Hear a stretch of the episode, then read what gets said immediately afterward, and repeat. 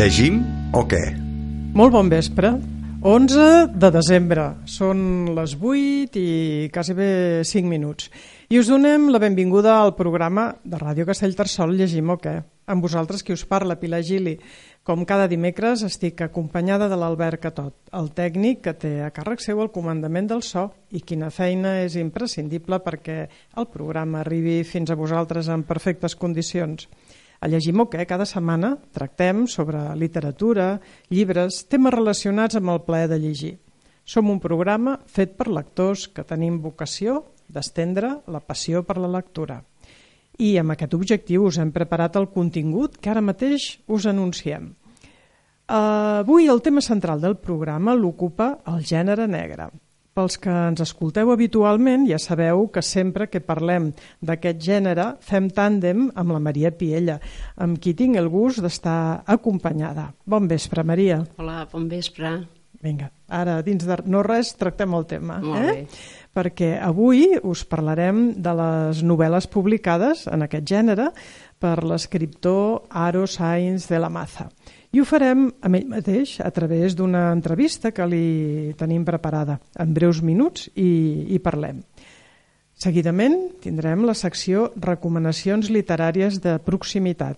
Avui tenim amb nosaltres en Jordi Sagrera, un castellterçolenc, que ens vol recomanar una novel·la de la Gemma Lienes. Bon vespre, Jordi. Gràcies Hola, per venir Bon vespre. una vegada més al programa. I a la secció El nom de cada cosa, aquest petit espai dedicat al foment de la millora de la llengua, la Dolors Girbau ens pregunta si és que podem tenir més de 20 diccionaris a casa. A la Dolors la, la saludarem dins d'uns minuts, quan toqui la seva secció.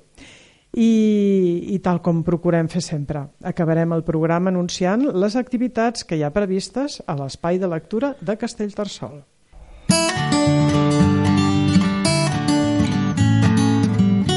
Llegim o què? Llegim, llegim i parlem de llibres, eh, recomanem sempre bones lectures. I avui, juntament amb la Maria Piella, us recomanem les novel·les de gènere negre escrites, tal com hem dit, per Aro Sainz de la Maza. Si és que encara no les heu llegit, doncs eh, us, us animem a fer-ho. I si ja les heu llegit, eh, ben segur que serà d'interès que l'entrevistem ara dintre d'uns minuts. De fet, jo, jo no el coneixia aquest escriptor fins que la Maria me'n va parlar i, i la veritat és que t'ho agraeixo, Maria. L'he trobat molt interessant. He passat una bona estona llegint i he après moltes coses, perquè també llegint gènere negre es poden aprendre coses. Eh? Sí, tant. Així doncs, eh, avui el, el portem al programa. Uh, tal com dèiem, en breu l'entrevistem, però abans uh, posem-nos una mica en situació. Maria, què en sabem de. Aro Sainz de la Maza? Doncs ara us ho explico una mica. Uh, L'Aro Sainz de la Maza va néixer a Barcelona l'any 1959. Va estudiar a la Universitat de Barcelona, és escriptor, editor i corrector. Uh, com a especialista en editing, ha intervingut a l'edició de més de 50 títols de diferents gèneres, novel·la, narrativa infantil i juvenil, biografies, autoajuda, divulgació, etc. És coautor, junt amb Josep Maria Hernández Ripoll, de dues recopilacions de contes tradicionals i ha publicat tant literatura juvenil com narrativa per adults, amb títols com Nada es azul, La mujer de Judas, El paseo de los tristes, Silas nada más, Cómo cura la musicoteràpia, Cómo cura el aloe vera, Malababa, Contes de tots colors, El llibre de les mentides i El jugador de frontó, entre d'altres. L'any 2012 es publica la seva primera novel·la negra, gènere amb el qual s'especialitza. Es titula El asesino de la pedrera. Amb aquesta novel·la va rebre una menció especial del jurat del cinquè Premi Internacional RBA de novel·la negra i amb ella inicia una demolidora sèrie protagonitzada per l'inspector Milo Malar. Eh, va tenir una gran acollida tant per part de públic com de la crítica especialitzada. Eh, també es va publicar a França amb gran èxit. Després, la saga va continuar el 2016 amb El Ángulo Muerto. Amb dues novel·les són, complex, mm, són novel·les complexes que retraten diverses cares de la ciutat de Barcelona. Una Barcelona polièdrica. Hi ha molta crítica social, a l'altivesa de la classe social alta i el seu comportament, a la premsa sensacionalista, als tripijocs polítics, a la corrupció econòmica, sexual i urbanística, a la desesperació que pot portar la crisi econòmica i social i un llarg etc. A més, com totes les bones novel·les negres, t'enganxen totalment, amb un ritme molt àgil. I ho fa amb la creació d'un inspector molt, molt peculiar, en Milo Malar, que és brillant professionalment, però imprevisible, hermètic i complicat emocionalment, com la majoria dels bons detectius clàssics. Treballa amb la seva companya Rebeca Mercader, que és sotsinspectora, amb uns mètodes força diferents als seus. Um, actualment, l'Aro Sainz de la Maza està a punt de publicar la seva tercera novel·la de la sèrie, però d'això ja en parlarem amb ell sí, després. Sí, sí, jo crec que li hem de demanar que ens, sí. vagi, ens faci un, un, un avançament. Vinga, a veure si el tenim aviat amb nosaltres.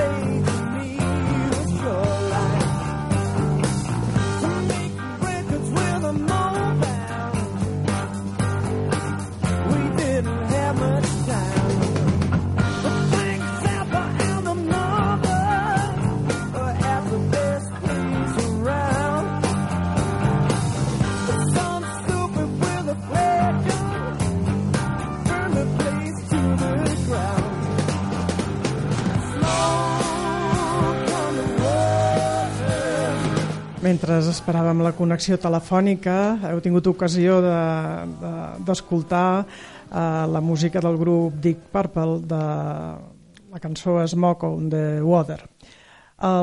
L'inspector Milo Malart, uh, el protagonista de les novel·les uh, El assassino de la pedrera i El ángulo muerto, uh, escrites pel, per l'escriptor Aro Sainz de la Maza, hi ha un moment donat que a la primera novel·la diu la música no és lo mío, però hasta yo sé que el inicio de Smoke on the Water es portentoso, de leyenda, però el resto del tema és flojo, no està a l'altura. Bé, eh, potser sí que té raó, però anem a preguntar-li a l'escriptor, a l'Aro Saiz. ¿Estás aquí, Aro? Sí, ¿qué tal? ¿Qué tal? Muy buenas noches. Molt benvingut a Radio Castellterçol. Muchas gracias. Estamos muy contentos de que estés aquí entre nosotros. ¿eh? Ya somos tres. Muy bien, cuatro, perquè, mira, tinc al meu costat a, a la Maria Piella, que és uh, una companya de la ràdio que col·labora en aquest programa sempre que, que parlem de novel·la negra, perquè ella és molt aficionada i, de fet, ella uh, va ser qui em va fer descobrir els teus llibres. Vale, así que, en fin, a ella lo tengo, se lo tengo que agradecer, pues. Pues sí. Muy bien. Uh, bon vespre, Aro. Hola, ¿qué tal, María? ¿Cómo estamos? molt bé, molt bé. Encantado de saludarte. Sí, igualment. Eres una fan de la novela negra. Sí, sí, a mi m'encanta. I aquí també hi ha molts bons autors i a tu et considero un dels millors. M'agraden molt les teves novel·les, sí, sí, sí.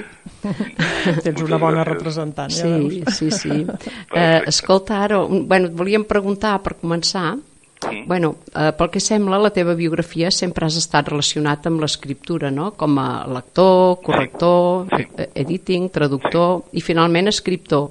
Sí. Eh, actualment només et dediques a escriure o fas de tot encara? Sí, sí, de momento, y no sé si por milagro o por, yo qué sé, estas cuestiones del destino que se me escapan, sí, soy, soy, a ver, uh, primero quizás habría que definir eh, vivir de, hay muchos términos, ¿no? Vivir, sobrevivir, malvivir.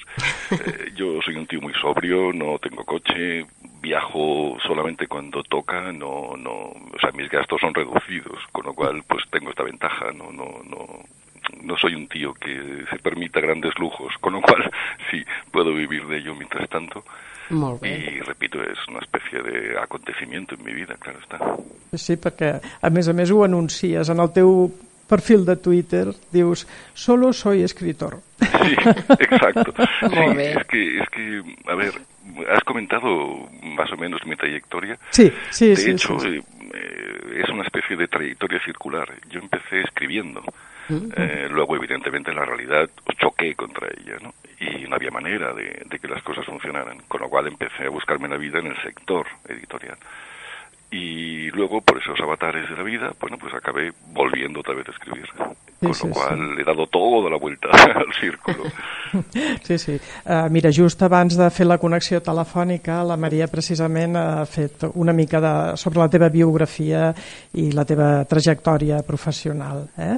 I llavors sí que, bé, una de les coses que crida l'atenció és perquè eh, veiem que abans d'aquests dos llibres tens forces obres escrites, potser més de 20, i que tenen un perfil molt sobre contes infantils, relats, novel·la juvenil, Sí. i, i bé, et volíem preguntar com ha sigut aquest salt a la, a la, novel·la, a la novel·la negra, no? A ver, el, eh, este salto que comentas, que curiosamente así empieza la, la, la, la serie Milo Malar, con el personaje mm, saltando. Sí. Lo digo porque no, no, No es... precisament saltant de gènere, per això, eh? Exactamente, pero no, no es casual. Eh, a ver, eh, todo sucedió cuando hacía, me dedicaba a hacer editings, que para que los oyentes lo entiendan, digamos, son profundas correcciones de, de los textos de otros autores. Eh, bien, mi editora en esos momentos eh, decidió que, que, bueno, ya que siempre estás eh, corrigiendo a los autores que ella publicaba, ¿por qué no me entregas tú un día tu propia novela negra? Eh, este desafío, bueno, no sé, cada uno se puede resistir a lo que puede. Yo no puedo resistirme a un desafío. Así que a partir de aquí me lo tomé en serio, le tomé la palabra y tardé, tardé mucho tiempo en perfilar las ideas, el personaje, etcétera, etcétera. Hasta que un día le envié 60 páginas. eh, mm, a ella, bueno, le parecieron interesantes y a partir de aquí hasta hoy. Eh, también tengo que decir que cuando le entregué la primera novela y vio la extensión, se quedó pálida de Sí, espanto. porque es larga. Muy larga. Y era todavía más larga. Pero bueno, al final la podé, la pulí, la condensé, etcétera, etcétera. Y bueno, el resultado ya lo conocéis. Molt bé. Así Total. fue, así fue, simplemente un desafío. Molt bé. De tota manera, és això, es nota un canvi ben radical, no?, de novel·les juvenils, eh, això, llibre, i llibres d'autoajuda, això, la novel·la negra, que és ben negra, també negra, negríssima. Sí. I, I el que hem trobat, bueno, el que a mi em fa molta gràcia perquè m'agraden molt les cites i així, Mm. I de, eh, de tota manera és això, que en aquesta novel·la també hi ha moltes referències a llibres d'autoajuda i moltes Sí. cites, no? Sí, sí, sí, Sobretot entre el Milo Malar i el Forense, que, Sí, que fan molta correcte. gràcia. Correcte, però, però a correcte. vegades sembla que te n'enfotis una mica, no? O bastant d'això de l'autoajuda. A ver, es que, bueno, esto tengo que explicarme. Eh, a ver, los libros, yo he escrito libros de autoayuda, Sí. como, como, como, pues para otros o incluso con mi propio nombre, ¿no? Para que, en fin, como muestra un botón, he escrito libros sobre cómo dejar de fumar y yo fumo y también he escrito cómo vencer el miedo a volar y yo no vuelo No si no es con una pistola apuntándome en la nuca. Eh, lo paso muy mal. Eh, quiere decir con esto que los libros de autoayuda, todos sabemos la teoría. Eh, otra cosa es la práctica. Sí, sí, sí. Y normalmente a quien beneficia los libros de autoayuda esos- es a los autores de los libros de autoayuda. Mm, Es muy difícil, eh, por eso lo digo con todo el cariño hacia este género. Eh, por supuesto, hay libros que son fantásticos, interesantísimos y demás, pero para un personaje como Milo, que es un tío tan descreído, eh, él va buscando precisamente un libro de autoayuda que le pueda servir de ayuda a sus problemas y no lo Y encuentra. no lo encuentras, sí, sí, sí. Y esta es, esta es digamos, su, su maldición, ¿no? Ajá. Eh, Es muy, bueno, a mí me pareció muy divertido cuando tiene una conversación con la jueza, con su amiga, Sí, cuando dice, estoy reinventándome. Y ella le dice, dice, eres un bastardo egoísta, me tienes harta de tus rarezas, te pido colaboración y me sales con paridas, reinventándote. ¿Se puede saber qué coño es eso? Es que eh, eh, estarás de acuerdo conmigo en que, en que todos estos libros han generado un- un- unos nuevos palabras Sí, sí, que, que son muy peculiares vocabulario, sí, sí. y, y muy ingeniosos, pero que cuando los analizas a fondo, bueno, pues te quedas con esa cara de pasmo de, bueno, Sí. exactamente en qué consiste esto, ¿no? Sí, sí. Que de hecho sí que se puede entender, pero vuelvo a repetir, otra cosa es llevarlo a la práctica. Mm. Sí, sí, sí. De ahí esta especie de broma que me llevo con, con, con este género. Molt bé, molt bé.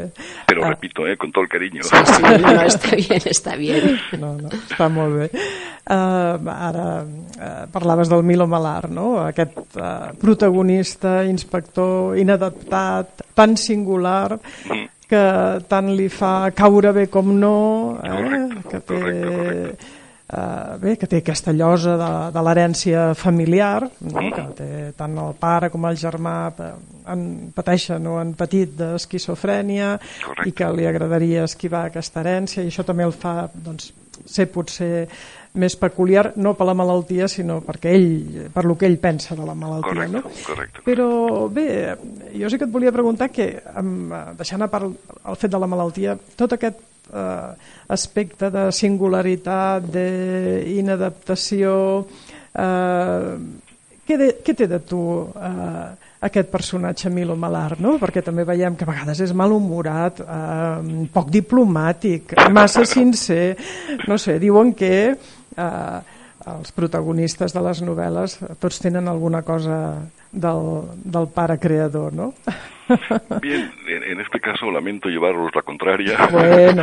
Pero no, no, no, no es el caso. A ver, precisamente porque me, me resultó más fácil eh, construir su perfil desde mi antónimo, o sea, desde mi opuesto. Sí, sí, sí, sí, Eh, va molt bé, molt bé. a ver, mm, no es que buscara atajos, pero, pero me fue mucho más sencillo crear una personalidad tan, eh, digámoslo así, difícil o extraña o impredecible, eh, precisamente, pues eso, como, como alguien muy ajeno a, a mi forma de ser y de hacer, ¿no? Mhm. Està molt ben Sempre- construït, eh? Oh, mil Sí, gracias, tant. mil gracias. A ver, yo soy un personaje que después de, no sé, ya 10, ¿cuántos años llevaré? 10, 12 con él en la cabeza. mm, eh, a mí me cae simpático, o sea, a pesar de que él no se esfuerza. No, eh, te l'acabes estimant, eh? ¿Verdad? Sí, Es sí, que, sí. mm, O sea, ¿por qué los personajes tienen que tener, digamos, esta amabilidad o esta buena educación?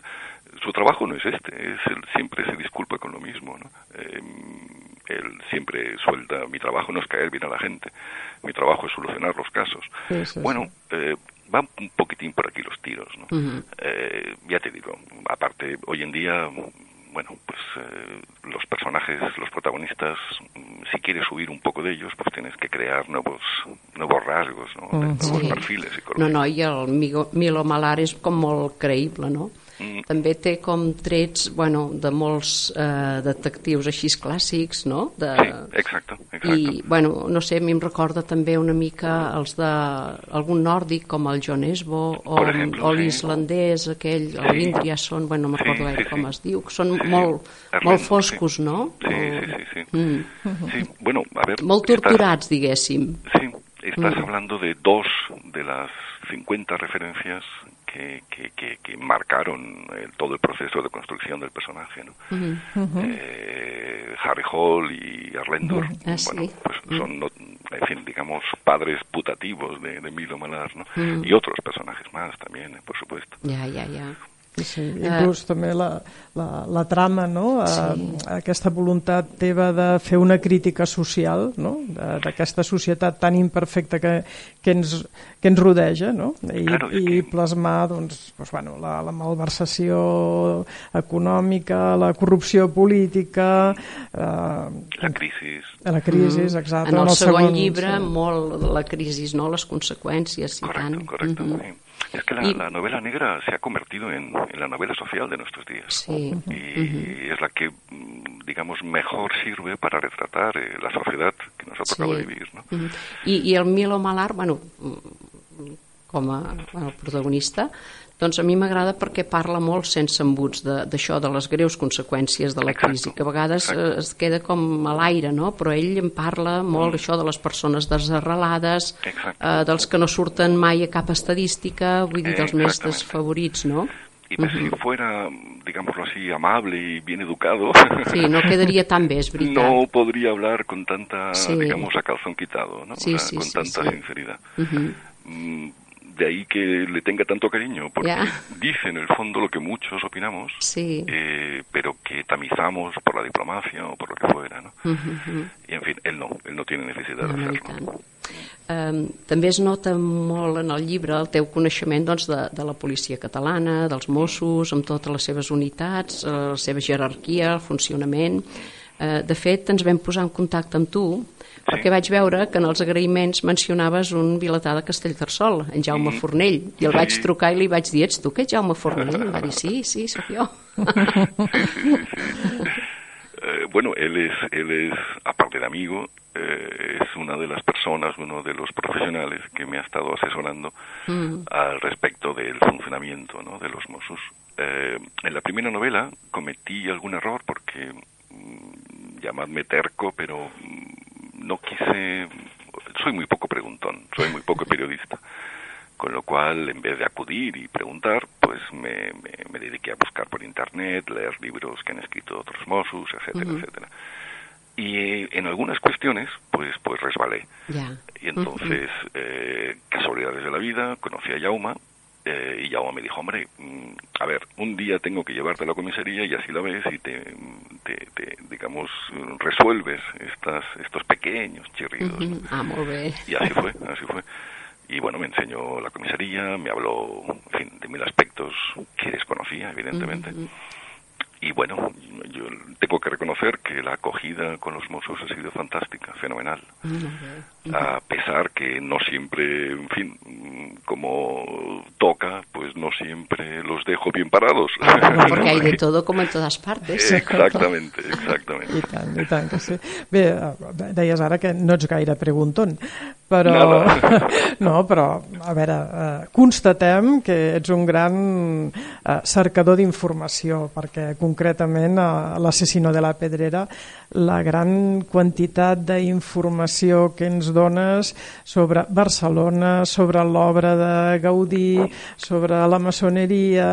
Eh, jo m'he quedat sorpresa i a més a més hi vas entrant eh, progressivament que hi ha moments que a Barcelona et donen ganes d'agafar el Google Maps i dir, a veure, aquest sí, carrer, sí, sí, que, sí. per on va, van passejar I la Barceloneta, com la retrata Exacte. de bé, sí, sí, sí, sí, sí, sí. sí. Això, bé, bé, no sé quan has tardat a fer uh, cada novel·la. Veig que més o menys entre una i l'altra em sembla que hi ha quatre anys, però, però clar, això potser és el temps deu correspondre a la feinada en buscar informació i a treballar tota la trama, que, que és com un trencadís en el cas de l'assassino de la Pedrera, que el, els mateixos protagonistes ho, ho comenten, no? perquè realment hi ha trames, subtrames i, i que tot al final eh, acabi encaixant no? amb aquest final tan trepidant doncs, doncs bé, ja, ja entens una mica que, que d'una novel·la a l'altra hagin passat quatre anys però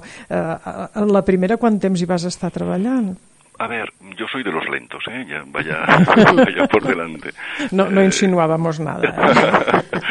Eh, la primera, digamos, entre 0 y 100, eh, tardé dos años, dos años y medio, más o menos. Luego está todo el proceso de, eh, de edición, que esta es otra historia que también, Sí. lo- desde que entra en una editorial y firmas el contrato hasta que es publicada, pues pasa todo un tiempo, todo, una serie- todo un proceso. Ah, proceso que te sirve, o sea, tiempo, perdón, que te sirve para empezar ya a diseñar la siguiente. Eh, pero más o menos ronda, esta es la media, ¿no? Eh, entre la segunda y la tercera lo rompí un poco esta, esta media porque, bueno, a, a raíz de, no sé cómo llamarlo, de, de- de- de la respuesta, de la acogida eh, de los lectores en Francia, eh, me obligó a viajar más de la cuenta, a distraerme más de la cuenta y a abandonar mis obligaciones más de la cuenta. Entonces esto me ha retrasado pues un año más, con lo cual entre la segunda y la tercera hay un plazo de tres años, tres años y medio. És que ha sigut un boom a França, no? Ha funcionado extraordinariamente bien, para mi sorpresa, alegría y evidentemente entusiasmo, ¿no? Me encanta. Eh, también tengo que decir que, que, que bueno, mm, todos estos procesos, eh, como tú has comentado, la, la parte más, más severa, la parte más difícil es, pues eso, documentarte, eh, diseñar bien la línea, el eje principal, los secundarios, etcétera, porque luego el hecho de escribirla eh, es lo más rápido. Una vez tienes todo ya construido, eh, escribirla, mm, no sé, la puedes pueden ser tres meses, seis meses, no, no, no es la parte más, más ardua, ¿no?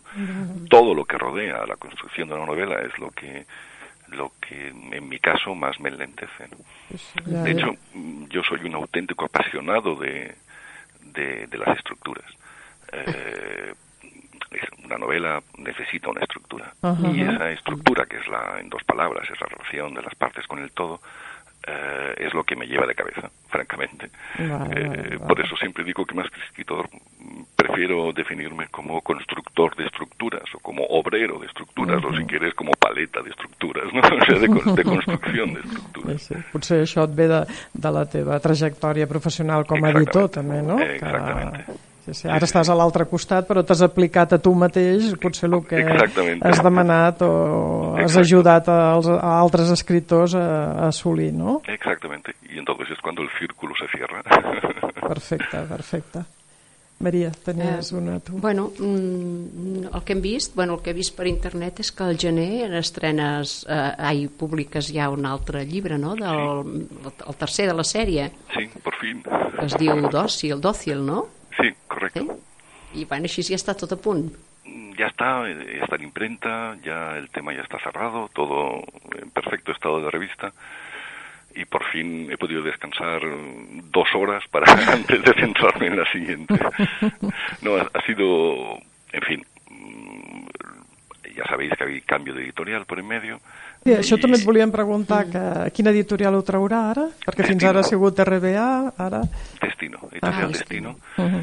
Y pues eh, de manera fantástica propuso reeditar la primera y la segunda también. Ah, molt bé. y eso ha supuesto pues lógicamente eh, aplicar el diferente libro de estilo de editorial con lo cual pues volver a corregir o responder una serie de dudas etcétera etcétera. De ahí que me haya zampado 1600 páginas en, en, yo que sé en dos tres cuatro semanas y así tengo todo fresco otra vez en la cabeza, como si no lo hubiera tenido ya. Sí, y, sí, y bueno, sí, ha sido sí. un trabajo, pero bueno, apasionante porque ves, bueno, ves cómo Milo ha ido evolucionando y lo ves tú. Ya no es lo que te cuentan los demás, sino que lo reencuentras, ¿no?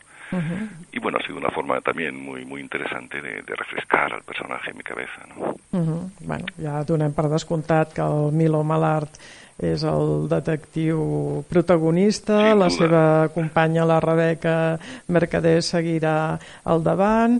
Uh, Barcelona també serà protagonista en aquest Sí, cas? sí, sí. Algun barri en concret? Més que res que com que no, veig que no, no expliques res de l'argument encara. per veure si mica en mica podem treure't pistes. Barcelona també. Sí, sí, sí, Barcelona es, digamos, escenario, no te digo eterno, porque en alguna de las futuras entregas es posible que, que cambie de localización, pero Barcelona es un personaje más de la novela, es, es mi ciudad, es lo que conozco, y es lo que además es una ciudad inacabable, es decir, Sí, tienes sí, sí, sí. material para, para, bueno, para un montón de entregas, ¿no? Sí. Uh, projecte de portar alguna de les novel·les al cinema? Ha habido, ha habido mm, una productora catalana eh, asociada con una de Madrid para hacer una serie en Netflix. Y lo último que sé es que llevaron el- la Biblia, que ellos llaman, el- una especie de preguión, a Los Ángeles, a la sede central de, de Netflix. Y hasta aquí puedo leer porque no sé nada más. Eh, es complicado, ¿eh? porque Sí, condensar eh, la primera en, en 90, bueno, no sé, no sé, no, no, 90 no, perdón, en seis capítulos me parece que querían, en, es complicado, es difícil. Ah, pero bueno, mm, ahí está esta, esta posibilidad. No, no tengo ninguna prisa. ¿eh? Yo ya he visto la película, ya he visto la serie en mi cabeza, quiero decir... Sí, sí, perquè és, és molt cinematogràfic, Sí, també, tant. tu Sí. pots imaginar. Sí, Sí, sí, sí. sí, sí. Molt bé. Mira, ara ja... Va, una pregunta més. Serà trilogia o tetralogia? O no Tetralogia. tindrà fi? No, no, no, a ver. eh, Te- tetra. No, Tetra, vale. En principio es tetralogía, que Vale. son, digamos, como arranque. Ujú. He querido, bueno, en su día, al comienzo de esta aventura, diseñé las cuatro entregas, eh, jugando con las cuatro estaciones, jugando con los cuatro elementos, pero luego, en fin, la quinta, la sexta, la séptima, en función también, de, lógicamente, de la acogida de los lectores, eh, tiraré para adelante, puesto que, repito, mm, tanto Barcelona como Milo eh, tienen trayecto para largo. ¿no? Mm, Mi ilusión sería continuar, evidentemente. No, de hecho, tengo, ya te digo, varias ideas en la cabeza para la quinta, la sexta, etcétera. Pero bueno, ya sabemos que de la vida azarosa de los escritores en este mundo editorial. De los editoriales, també. Exactamente. Perfecte. Bé, Aro, eh, el temps se'ns acaba. Tenim aquestes limitacions a la ràdio que podríem estar molta estona perquè ara vindria de gust doncs, comentar les novel·les. Tampoc podem fer-ho perquè si no ja faríem spoiler, no? Però sí, són dignes de fer un club de lectura amb tu i, i passar una bona estona. Oye, cuando queráis. A Ah, sí, me, sí. me- me encantan los clubs de lectura. Sí? disfruto- Bueno, doncs ja... Ja et convidarem aviat. Perfecte, cap problema. li, li, li direm. proposarem Sí. a, a la coordinadora del Club de Lectura d'aquí de Castellterçol i la veritat és que sí, perquè donen, donen molt joc al, als llibres. Sí, Eh? sí, tant. Perfecta. Repito, a mí me encanta intervenir en los clubs de lectura, primero porque son clubs de lectura, que es algo que me parece un milagro en estos días. Sí, sí. Y, segundo, porque me, me siento muy halagado de, de- de responder a las preguntas que, que se susciten, etcétera, etcétera. Con lo cual, Perfecte. contad conmigo. Molt agraït. problema. Moltes sí, gràcies. Seguim en contacte. Moltes gràcies, Moltíssimes endavant gràcies i al gener eh, perseguirem el nou llibre. Seguirem llegint i tant. Bueno, pues nada, os, buena lectura para entonces. Molt bé, moltes gràcies. A vosaltres. Adéu-siau. Adéu. Abraçada. Adéu.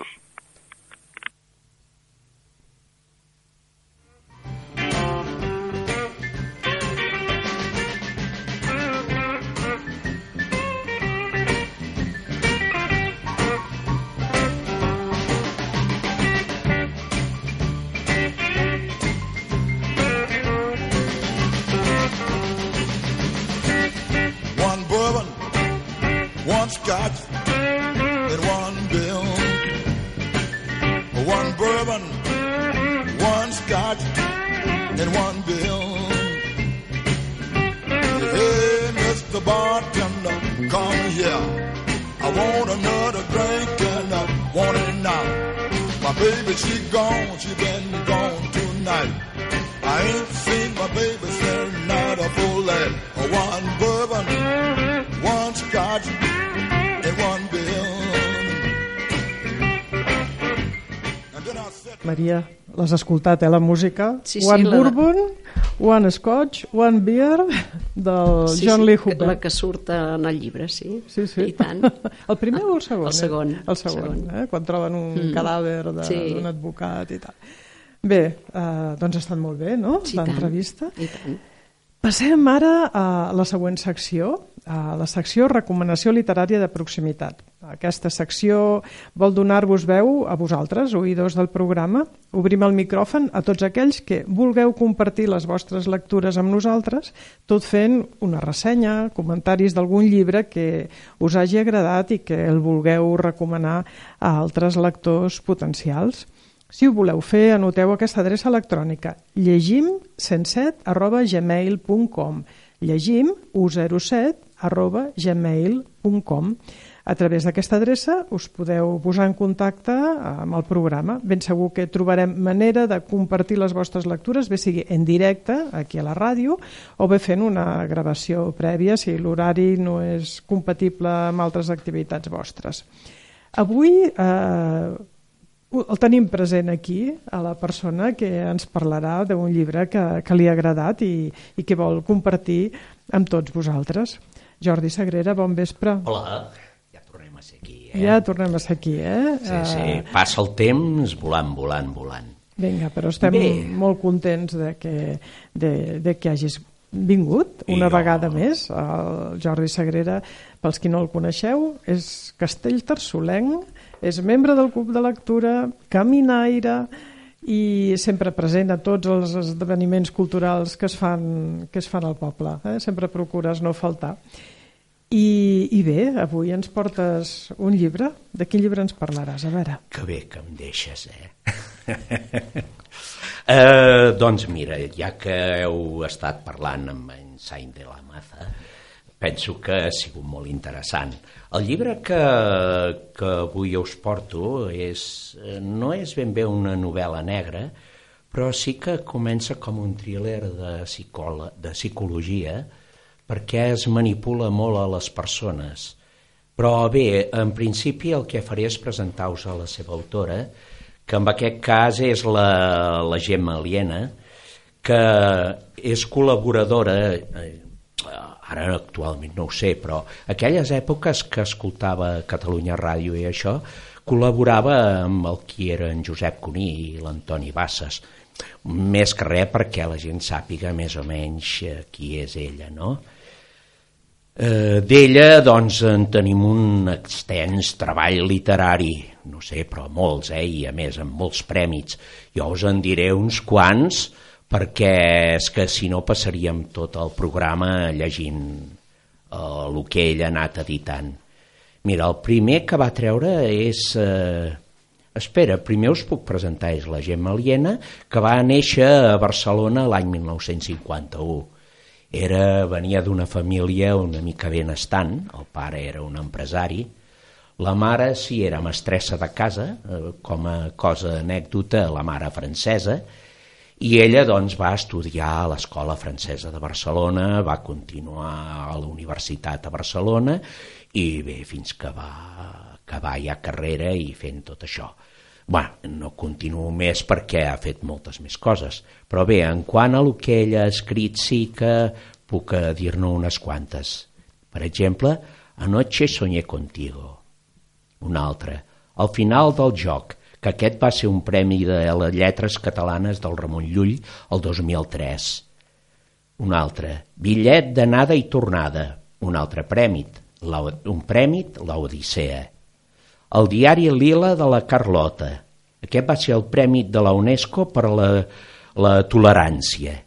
Aquesta va ser tota una sèrie que, que ella va anar fent de llibres perquè eh, ara us en diré només dos més, que és el diari vermell de la Carlota, que no sé si tu, Pilar, havies comentat Sí, sí, sí. alguna cosa que s'hi havia compartit títol o algun un altre escriptor. Sí, amb, amb, el, Amb el Jaume, Jaume Rivera. Amb el Ah. Jaume Rivera. que havia fet el diari vermell del Flanagan. Sí, Ah, sí, sí, doncs- sí, sí, sí, sí, sí. Ah, doncs, esclar, té... Eh, bueno, Sí, sí, es van no és el Flanagan, que és la es van Carlota. posar d'acord perquè era un llibre sobre els inicis de, bueno, el despertar sexual dels Exacte. joves, dels adolescents, no? Sí, I llavors sí, la sí. Gemma va fer la part de la noia i el Jaume Rivera és va que, fer la del és xicot. que eh? tots aquests llibres tracten d'això, de l'adolescència, del sexe.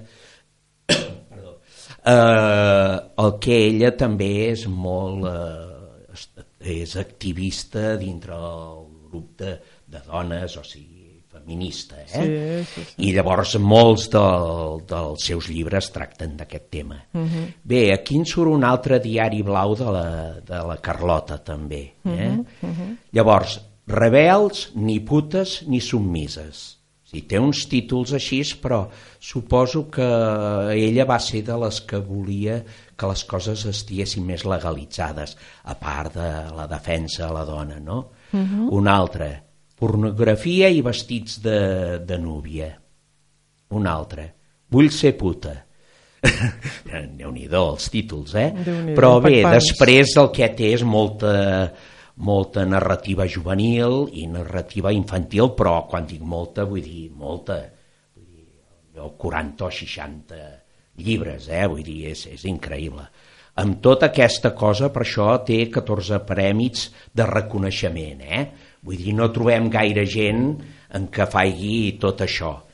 Bé, anirem una miqueta a l'idea i el llibre que us porto avui és Atrapada al mirall, que és d'editorial Empúries i està editat el 2007. Uh -huh. és, eh, és un thriller, eh, que ja us he dit, psicològic.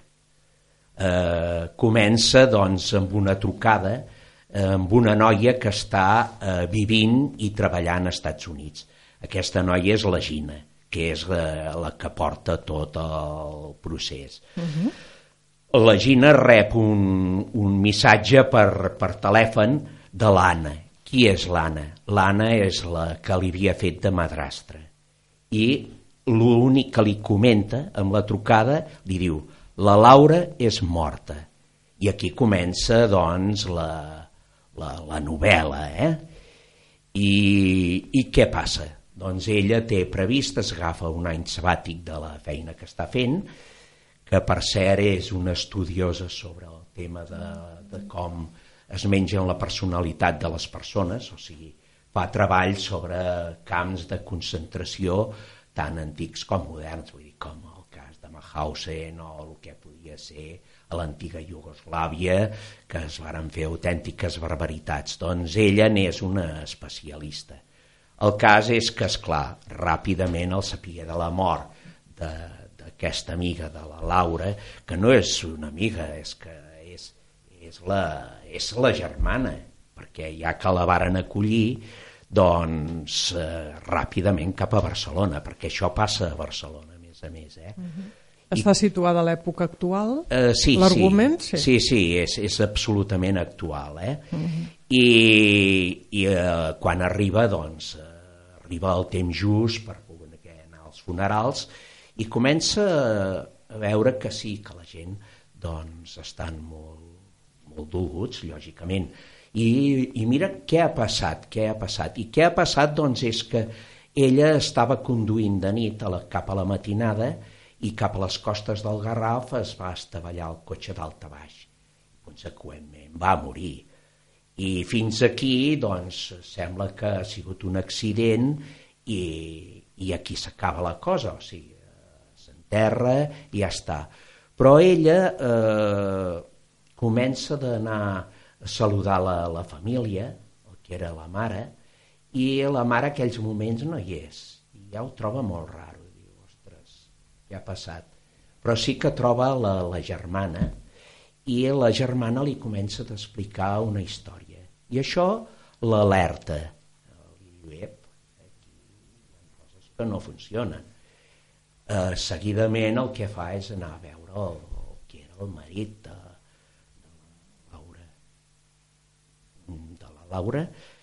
Sí, de la Laura. doncs el que troba molt curiós és que ell li comenta que li faria gràcia que tingués algun record d'ella i la convida a entrar al vestidor de la Laura i perquè agafi realment el que ella vulgui. I allà comença a trobar una sèrie de coses que diu, això és raríssim, perquè no, no precisament quadra. no li quadra, però gens.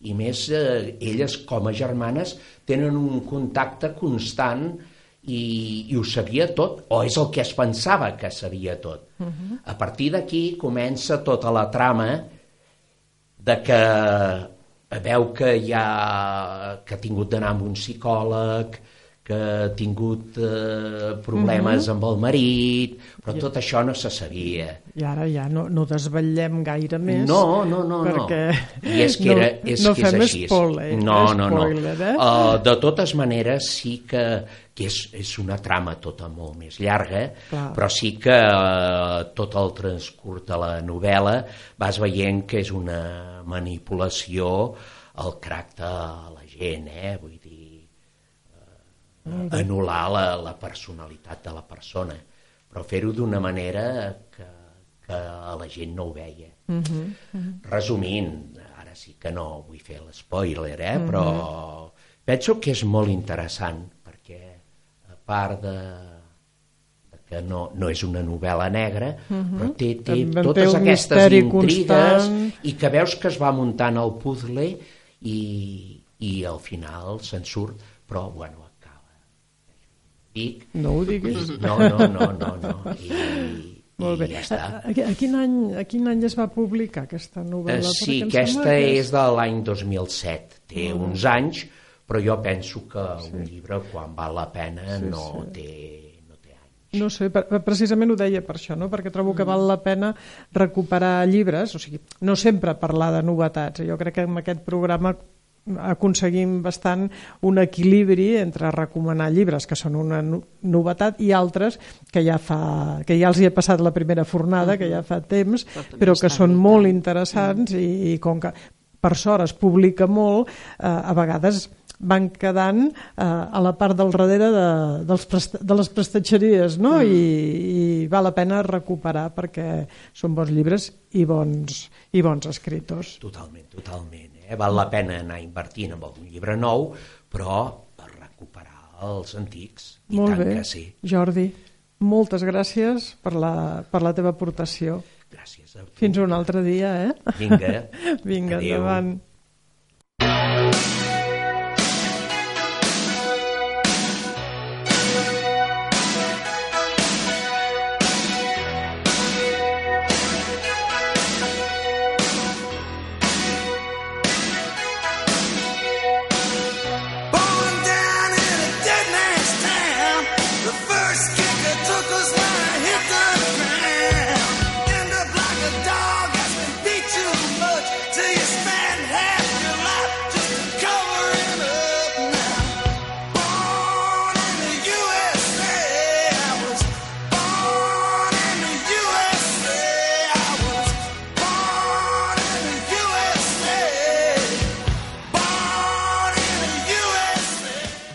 seguim amb música de, de les novel·les de l'Aro Sainz de, de la Maza que hem, sí. que hem anat... Uh, El to del telèfon de la inspectora. De la Exacte.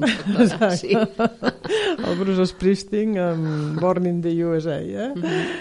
Molt bé, doncs uh, ara ja tenim a la Dolors Girbau que, que ens està esperant per oferir-nos la seva secció, el nom de cada cosa. Com dèiem, aquest petit però gran espai dedicat a la millora de la llengua. Uh, avui crec que, que va de diccionaris. Uh, a veure, endavant, Dolors, a veure què ens expliques.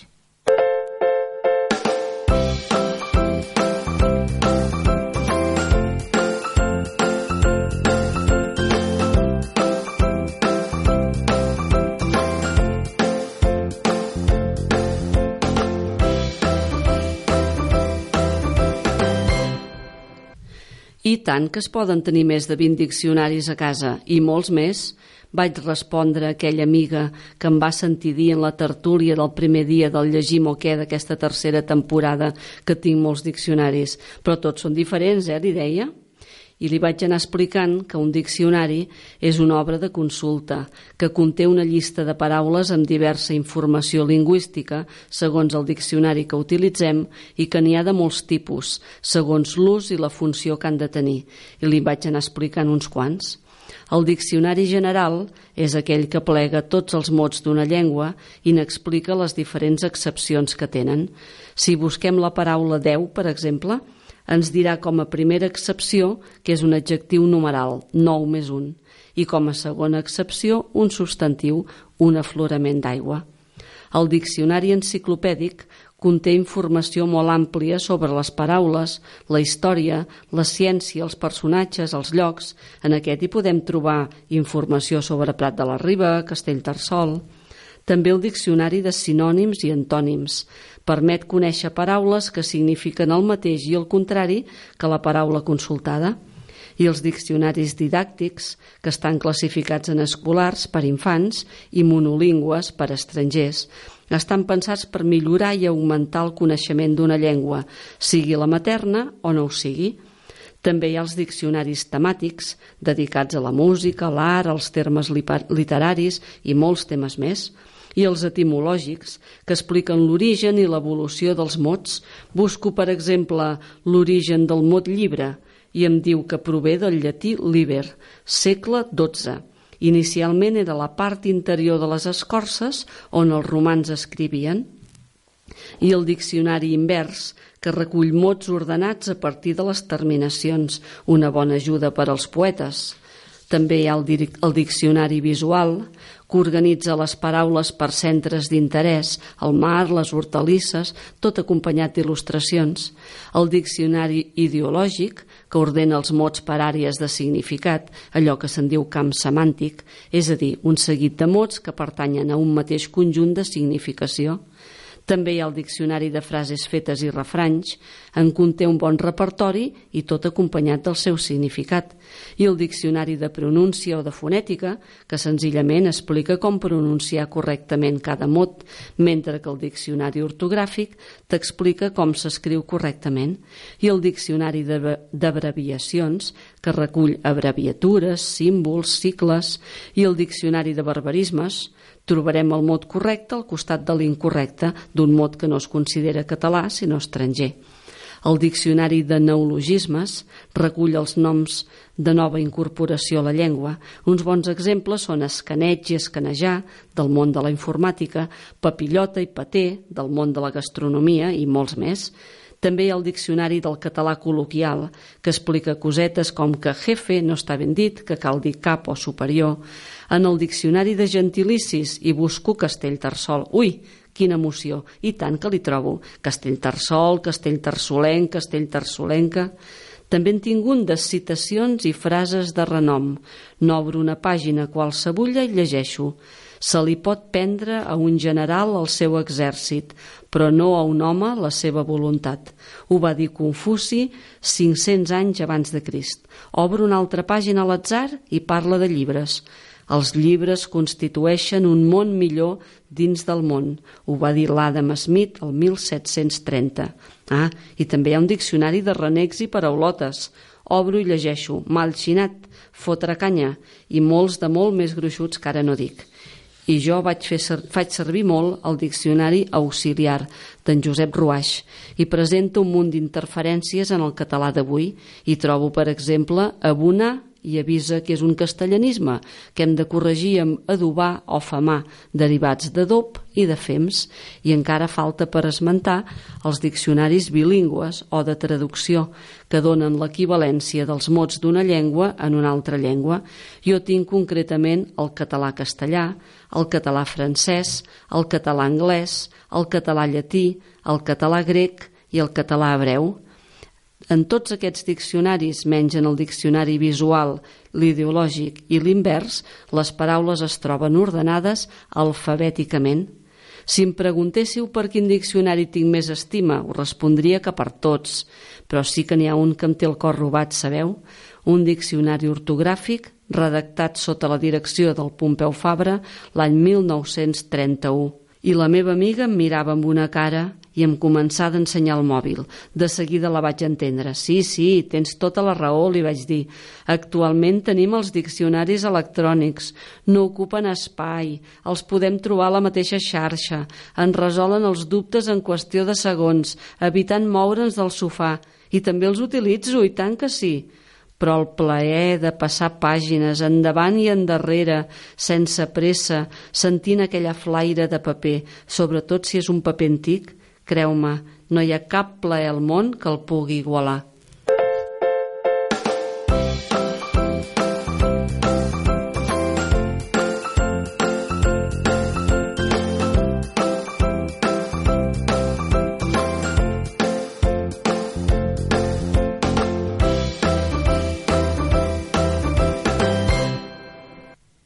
Moltes gràcies, Dolors. A vosaltres? Què tal? Molt bé. Tens una prestatgeria Plena de diccionaris. plena. I em pensava que no diries res dels diccionaris electrònics, eh? però veig que sí, Sí. eh? perquè jo sé que... Esperat això- al final per fer-te patir una mica. Ja ho he vist, ja ho he vist i patint molt. Bé, moltes gràcies. Fins la setmana que ve, eh? Exacte. Vale. Vinga, doncs, ja això s'està acabant. Ens queden un parell de minuts. Un parell de minuts que dediquem a, a dir que hi ha l'agenda de l'espai de lectura de Castellterçol. Que hi trobarem el que queda d'aquest mes de desembre. Hi trobarem fins al dia 10 de gener, que podeu visitar l'exposició de les obres presentades al concurs de fotografia amb motiu de realitzar el calendari Castellterçol 2020. És una exposició que es va inaugurar el passat dia 7 de setembre i, i que podeu continuar veient totes les fotografies fins al 10 de gener. Eh, seguidament, l'altra activitat que trobem és el dimecres, dia 18, a dos quarts de vuit, hi ha club de lectura, eh, club de lectura per adults, a propòsit del llibre de la novel·la El capvespre, de Ken Haruf, traduït per Marta Pere Cucurell. I recordeu, sempre tots els dimecres a les 5 de la tarda hi ha club de lectura juvenil. Bé, eh, res més, ens podeu seguir escoltant cada dimecres de 8 a 9 del vespre, la redifusió els diumenges de 1 a 2 del migdia. Us convidem a acompanyar-nos. Entre tant, feu bones lectures. L'Albert Catot, la Maria Piella, la Dolors Girbau, el Jordi Sagrera i jo mateixa, Pilar Gili, us desitgem uns bons dies.